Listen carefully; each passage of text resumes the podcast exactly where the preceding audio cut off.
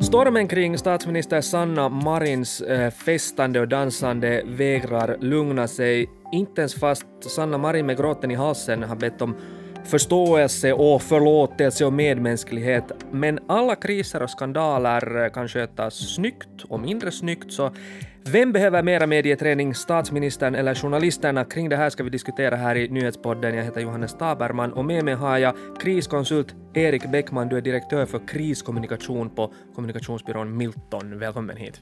Tack.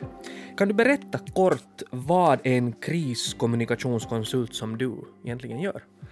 Ja, hjälper uh, organisationer och det är då allt liksom från de största företagen som vi har i Finland och, och Norden och, och föreningar och uh, delvis offentliga sektorn, men inte politiker. Vi Just. jobbar inte med politiker. Till små familjeföretag och liksom små föreningar med att förbereda sig. För det är liksom superlätt att sätta ihop ett kort paket bara med checklistor, att så här gör vi om det blir en kris. Och det är lätt att förutse vad de är. Sen ibland att träna, lite simulera, att okay, om det här skulle hända, så hur skulle vi svara, hur skulle vi ta intervjuer, vad skulle vi skriva för e-mail till våra kunder eller, eller annat. Och sen när det på riktigt skiter sig, så då är vi där och liksom rejält håller i handen och påminner om att hej nu fundera en stund, gör så här, tänk 360 grader, liksom alla grupper som är viktiga för dig, glöm inte någon. Sånt.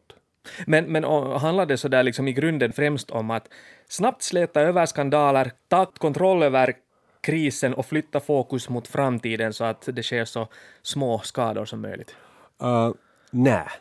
Folk är så medievana och vakna att om du försöker släta över en skandal så blir den bara värre. Mm. Du liksom, det handlar inte egentligen om vad någon har gjort.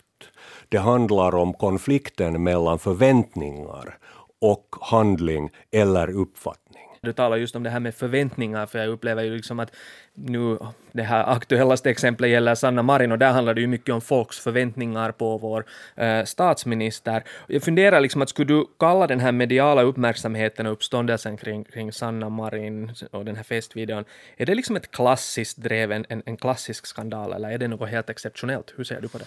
Där är element av både och. Ja. Jag menar, kännetecknande för drev är att det är ett rörligt mål. Det är lite så här om jag skulle säga att, att Johannes, att, att du super ju det liksom full regelbundet. Mm. Så nej. Okej, okay. men, men du använder knark? Mm. Nej. Uh, men du liksom vansköter ditt, ditt jobb, man kan inte lita på dig?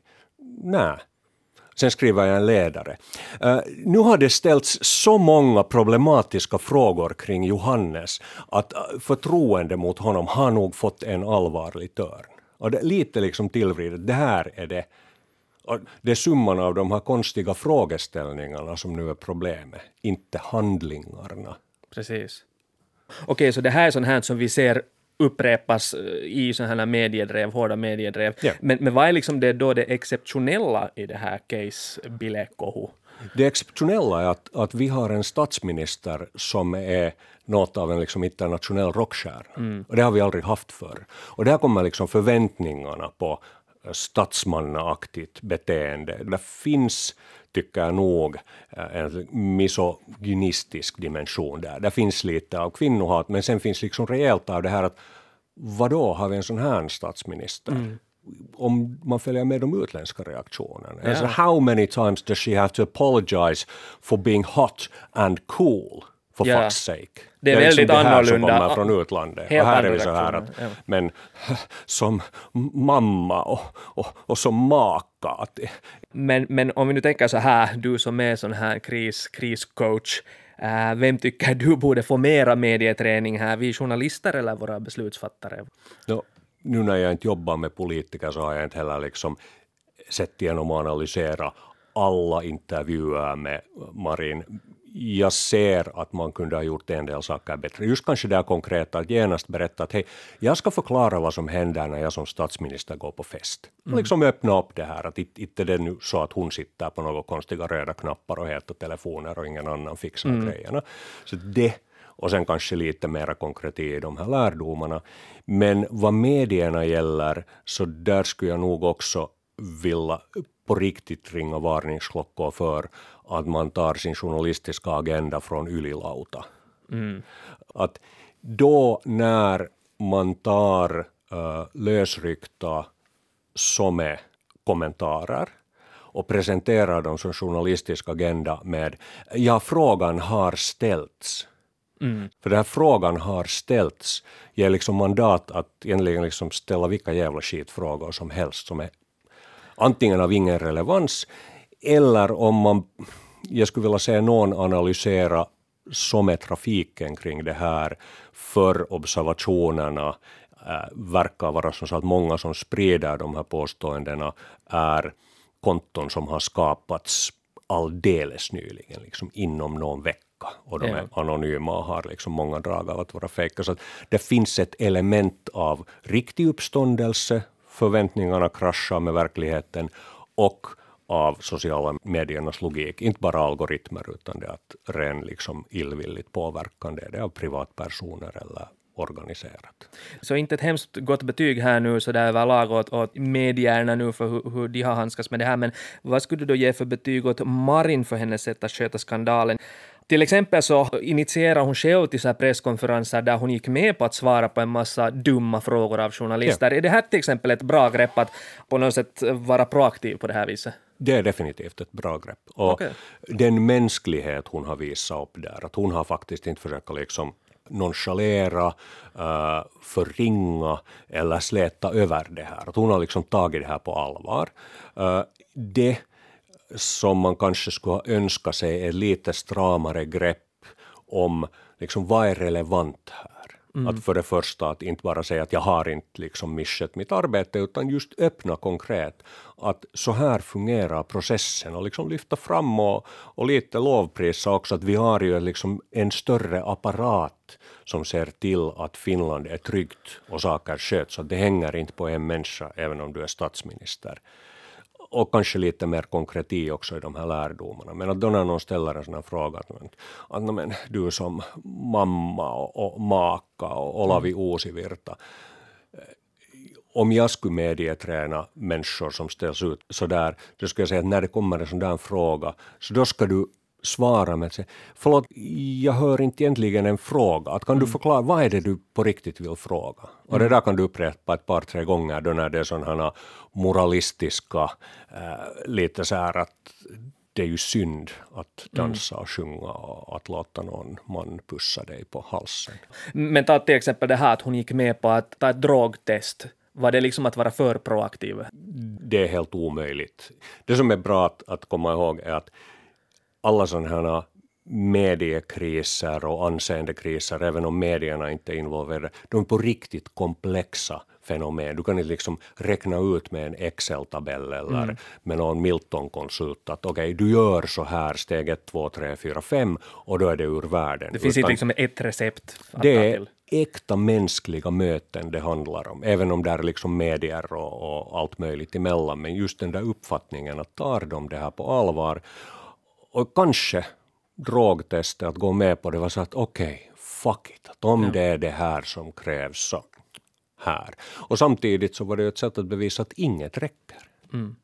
Men jag tänker ännu på det att, att nu har hon ju gått ut just då och hon visar sina känslor väldigt tydligt, ja. så långt så att hon har gråtit offentligt inför publik och på något sätt vill lyfta fram att jag är bara en, en vanlig människa, försök förstå.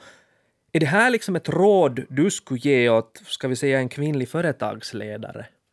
Uh, det är få människor som kan liksom gråta så här och, och liksom vara övertygande att fejka en emotion.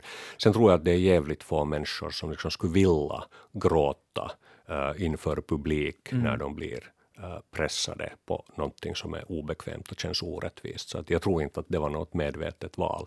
Men det visar på mänsklighet. Så vinner hon sympatier på det här eller kan det mer att liksom är det ett desperat drag som kan få henne att se svag ut? jag tror att vi har nu en sån här polariserad opinion. Eh, som sagt att det att hon städar är neurotiskt, det att hon sportar, det att hon festar, det att hon är kall, det att hon är äh, glad, det att hon gråter, det att hon inte gråter. Det är liksom allt svagheter för de som vill ha en annan regering i makt och det är jättepositivt allt det här för de som vill ha en SDP-driven regering. Så att det, det polariseras tack vare att vi går mot val. Så att liksom det att man nu kanske ser lite en sån här spricka i, i statsministerns väldigt sakliga fasad, så, så det kanske både liksom bra och dåligt för hennes image beroende på vem du frågar. Då. Ja, en viktig sak vill jag framhäva nu här. Det är det att när man är mitt i stormens öga. Så det är mm. jättesvårt att tänka liksom analytiskt och lugnt. Och då behöver du alltid pålitliga människor omkring dig som kan hjälpa dig att analysera och förbereda dig. Jag menar, gå aldrig till en intervju oförberedd eller så att du har förberett dig ensam. Mm. Det är ju svårt att veta så här utifrån, men, men vad är din uppfattning? Har Sanna Marin på något sätt lämnats ensam eller har hennes stödtrupper funnits där och backat upp henne tillräckligt? Uh, no, känner man till hur den finska politiska apparaten fungerar så är det ju självklart att hon har en stab och de har sparrat henne. Mm. Skulle du säga liksom att, att då när man sparar en statsminister och när man ska förbereda sig eh, så att man klarar av att rida ut en sån här mediestorm, så skulle du ge samma råd till kvinnliga och manliga chefer? Eller, eller finns det liksom någon skillnad där? Jag tror att det finns just skillnader i förväntningarna. Ja att uh, om Sauli Niinistö fäller en tår så då är han liksom inte bara faderlig och statsmanslik utan också liksom känslig. Att det är liksom fantastiskt. Men när Sanna Marin fäller en tår så då är hon bara svag och opålitlig. Mm. Skulle du säga då liksom att, att grundprinciperna detsamma för, för liksom både politiker och företagsledare och andra offentliga personer. Nu är det i kriskommunikation. Ja. Det är psykologi, för det har att göra med förväntningar, inte handlingar. Att mm. går något fel i ditt arbete, så det är Murphys lag. Men tar du det på allvar, och det visar du genom att först liksom visa att hej, jag hör att, att ni är jättebesvikna och jag hör att ni är bestörta över att det har gått så här och nu utreder vi det här och så berättar du, även om du inte ännu vet vad som har hänt, så berättar du konkret att hur utreder man det och vad har vi gjort för att undvika det här? Att vi har ju alla de här säkerhetsmekanismerna och förberedelserna på plats.